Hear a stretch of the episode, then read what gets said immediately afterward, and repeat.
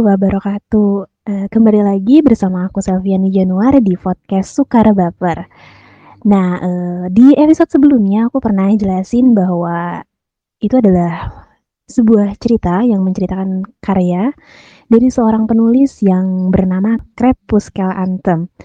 Nah, uh, pada kesempatan kali ini di episode kedua ini aku nggak sendirian loh. Jadi aku bakal ditemenin sama penulis dari novel yang berjudul Pavilion Cinta. Halo, malam Kak Pucel.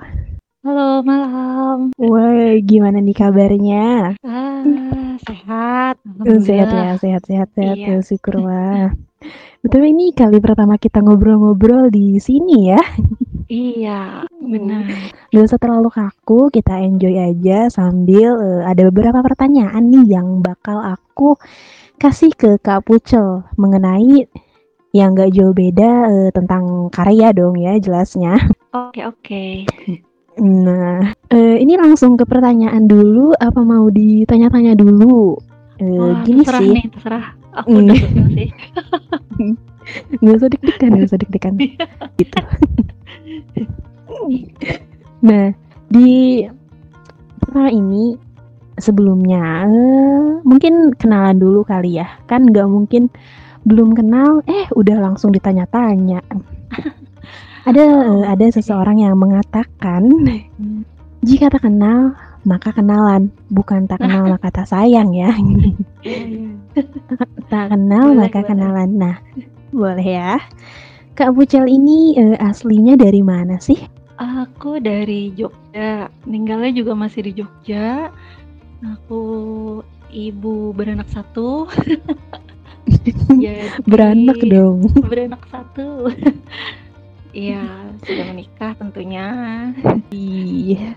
Itu sudah menikah tapi masih sekarang. produktif ya. Iyalah harus. Oke. Mungkin uh, sekilas aja perkenalannya. Nanti buat yang penasaran siapa Kak Pukel, kalian bisa langsung uh, check in di mana nih? Uh, bisa ke IG juga Crepuscle Anthem. Kalau mau DM silakan, tapi jangan galak-galak DM-nya. Iya, jangan galak-galak. Oke, okay, uh, kita untuk mempersingkat waktu, kita langsung ke pertanyaan pertama. Uh, seperti yang kita tahu bahwa Kak Pucel ini, Kak Pucel ya, Kak iya. Pucel ini uh, seorang penulis, penulis novel yang aku tahu penulis novel di sebuah platform yang bernama Novelme. Dan yang hmm. aku tahu juga bahwa uh, novel Pavilion Cinta ini uh, mendapat banyak pembaca yaitu 41,6 ribu pembaca. Itu tuh udah uh, sesuatu yang luar biasa. Uh, kalau boleh tahu sejak kapan sih uh, Kak Pucel ini berada di dalam dunia kepenulisan gini? Kalau dunia kepenulisan mungkin bisa dibilang mungkin setahunan ini aku mulai fokus di kepenulisan. Tapi kalau misalnya hobi menulis itu dari mungkin dari sekolah aku suka puisi, aku suka bikin uh, cerpen walaupun cuma untuk ditaruh di buku sendiri gitu. Nah, aku merambah ke uh, kayak bikin cerita cuma pakai bahasa Inggris dulu sempat. Nah, setelah itu lama udah nggak pernah nulis, nggak pernah ini lagi karena kerja dan kesibukan macam-macam. Aku masuk hmm. ke ke penulisan ini baru mulai deh tuh gitu. Hmm, berarti sebelumnya tuh memang udah suka puisi, suka cerpen, suka yang wah bahkan tadi uh, sempat bikin cerita-cerita yang berbahasa Inggris ya?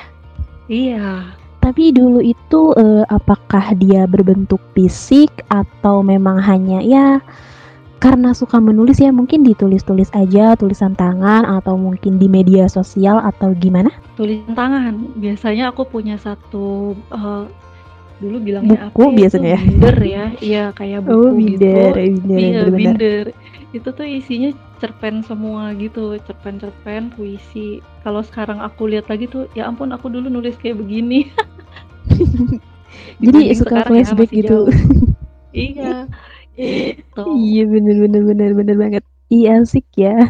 Memang udah dari lama berarti suka penulis dan mencintai dunia kepenulisan berarti gitu ya. Iya. Oke lanjut ke pertanyaan kedua.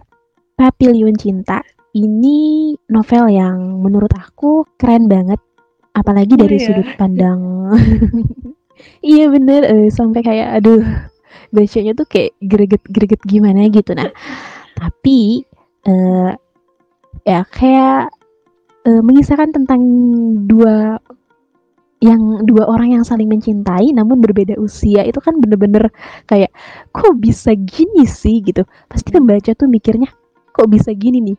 Ini inspirasi ceritanya nih dari mana sih?" Gitu.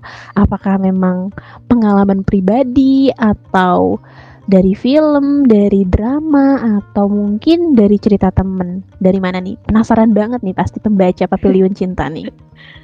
Eee, kalau Pavilion Cinta itu sebelumnya makasih nih ya kalau dibilang keren.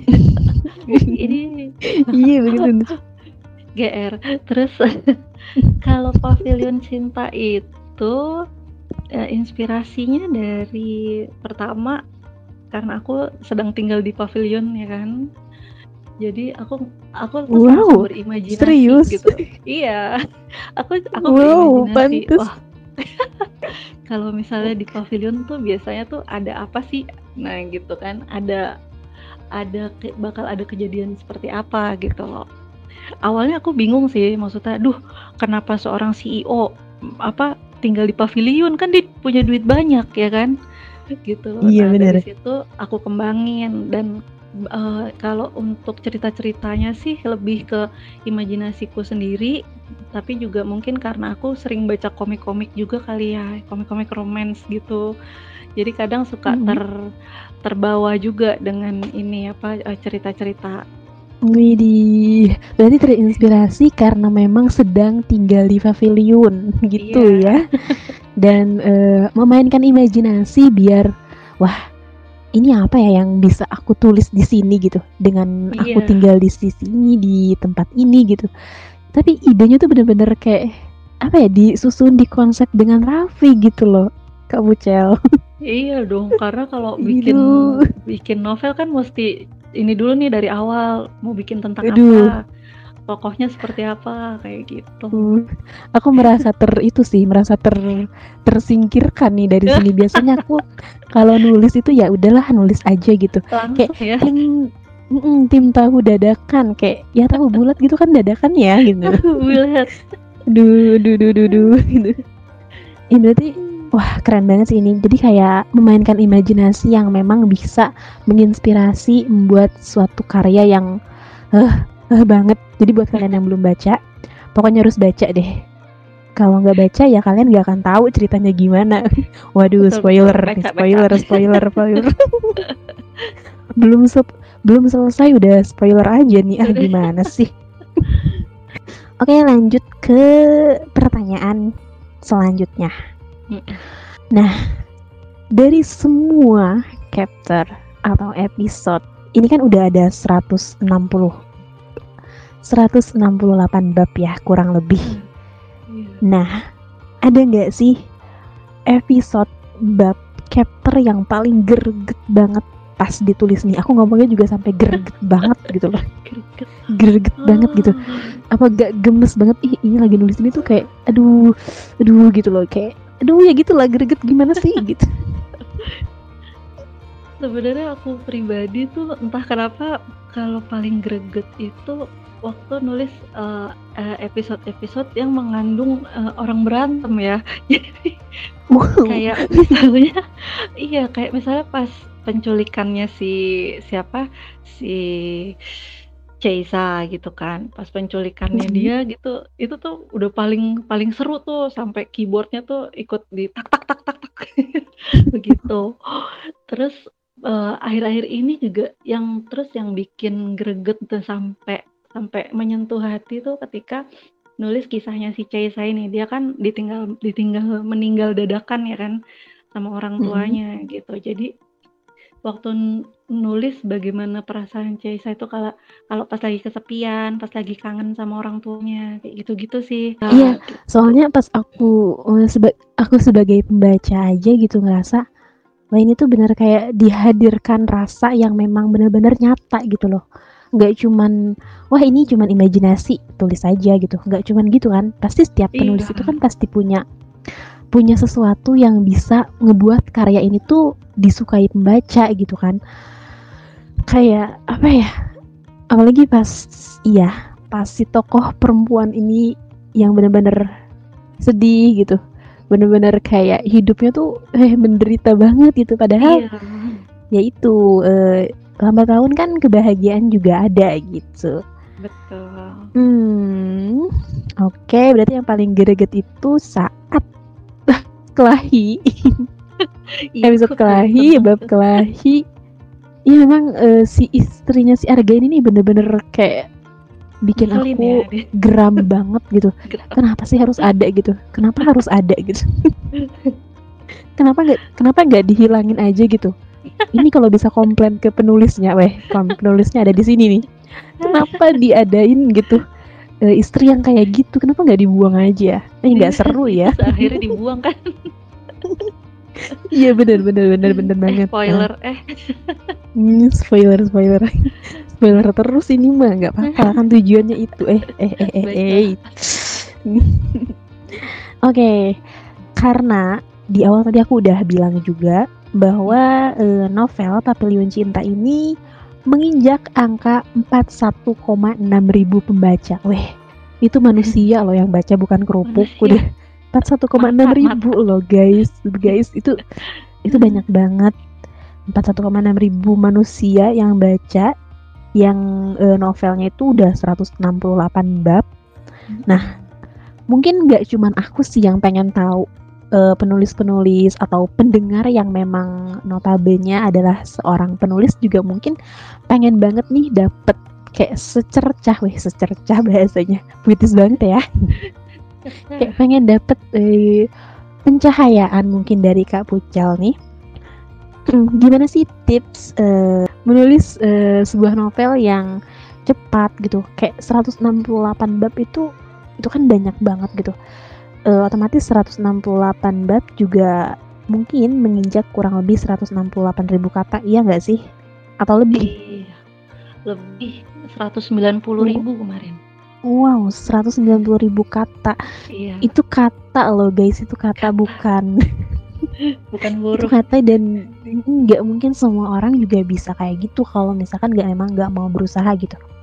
Nah, tips eh, and trick dari Kak Pucal buat kita seorang penulis, gimana sih cara nulis eh, sebuah novel yang bisa sampai banyak dan pembacanya ribuan. Nah, gimana sih tipsnya? tipsnya em, waktu aku mulai untuk em, membuat novel ini tuh novel Pavilion Cinta ini yang pertama aku tentukan itu kan pasti tokoh dan eh, ke mana alur cerita ini terus setelah itu baru outline outline besarnya nah setelah itu terkadang aku membuat eh, bab 1 sampai sekian nih aku mau isinya tentang apa tentang apa.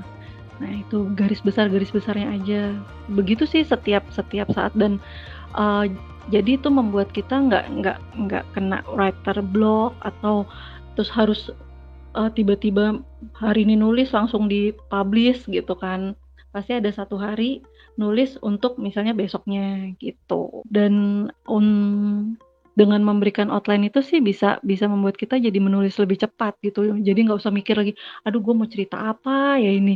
Udah nggak gitu lagi gitu. Nah kalau aku juga di Pavilion Cinta ini aku bagi jadi tiga season gitu. Kayak misalnya bulan pertama itu aku masuk di kayak eh, perkenalannya si Arga dengan si Caisa ini sampai situ ya kan terus Mhm. bulan kedua setelah mereka udah eh, berkenalan pacaran eh, ada apa aja sih masalah yang terjadi ketika selama mereka pacaran ini gitu nah season terakhir ini nih yang season ketiga di eh jadi spoiler deh tuh bulan ini Hmm. tamat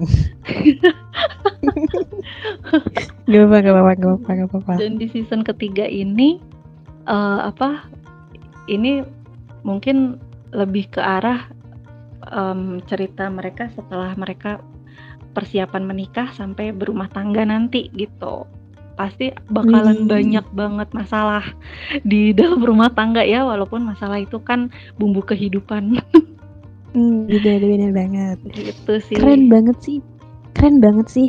kayak berarti kan langsung uh, memang dari awal tuh memang harus udah dikonsep rapi gitu aduh iya. lagi-lagi aku merasa ter tersindir sih ini ya. Karena aku nggak pernah konsep dulu nih. Aduh ke depannya kayaknya harus lebih rapi juga nih. Aduh tips dari kak Pucel ini bener-bener. Aduh wah banget lah. Yang pertama berarti kan tentukan nama tokoh gitu kan biar iya, kita tahu uh, siapa aja sih gitu kan siapa aja sih yang ada di dalam novel ini.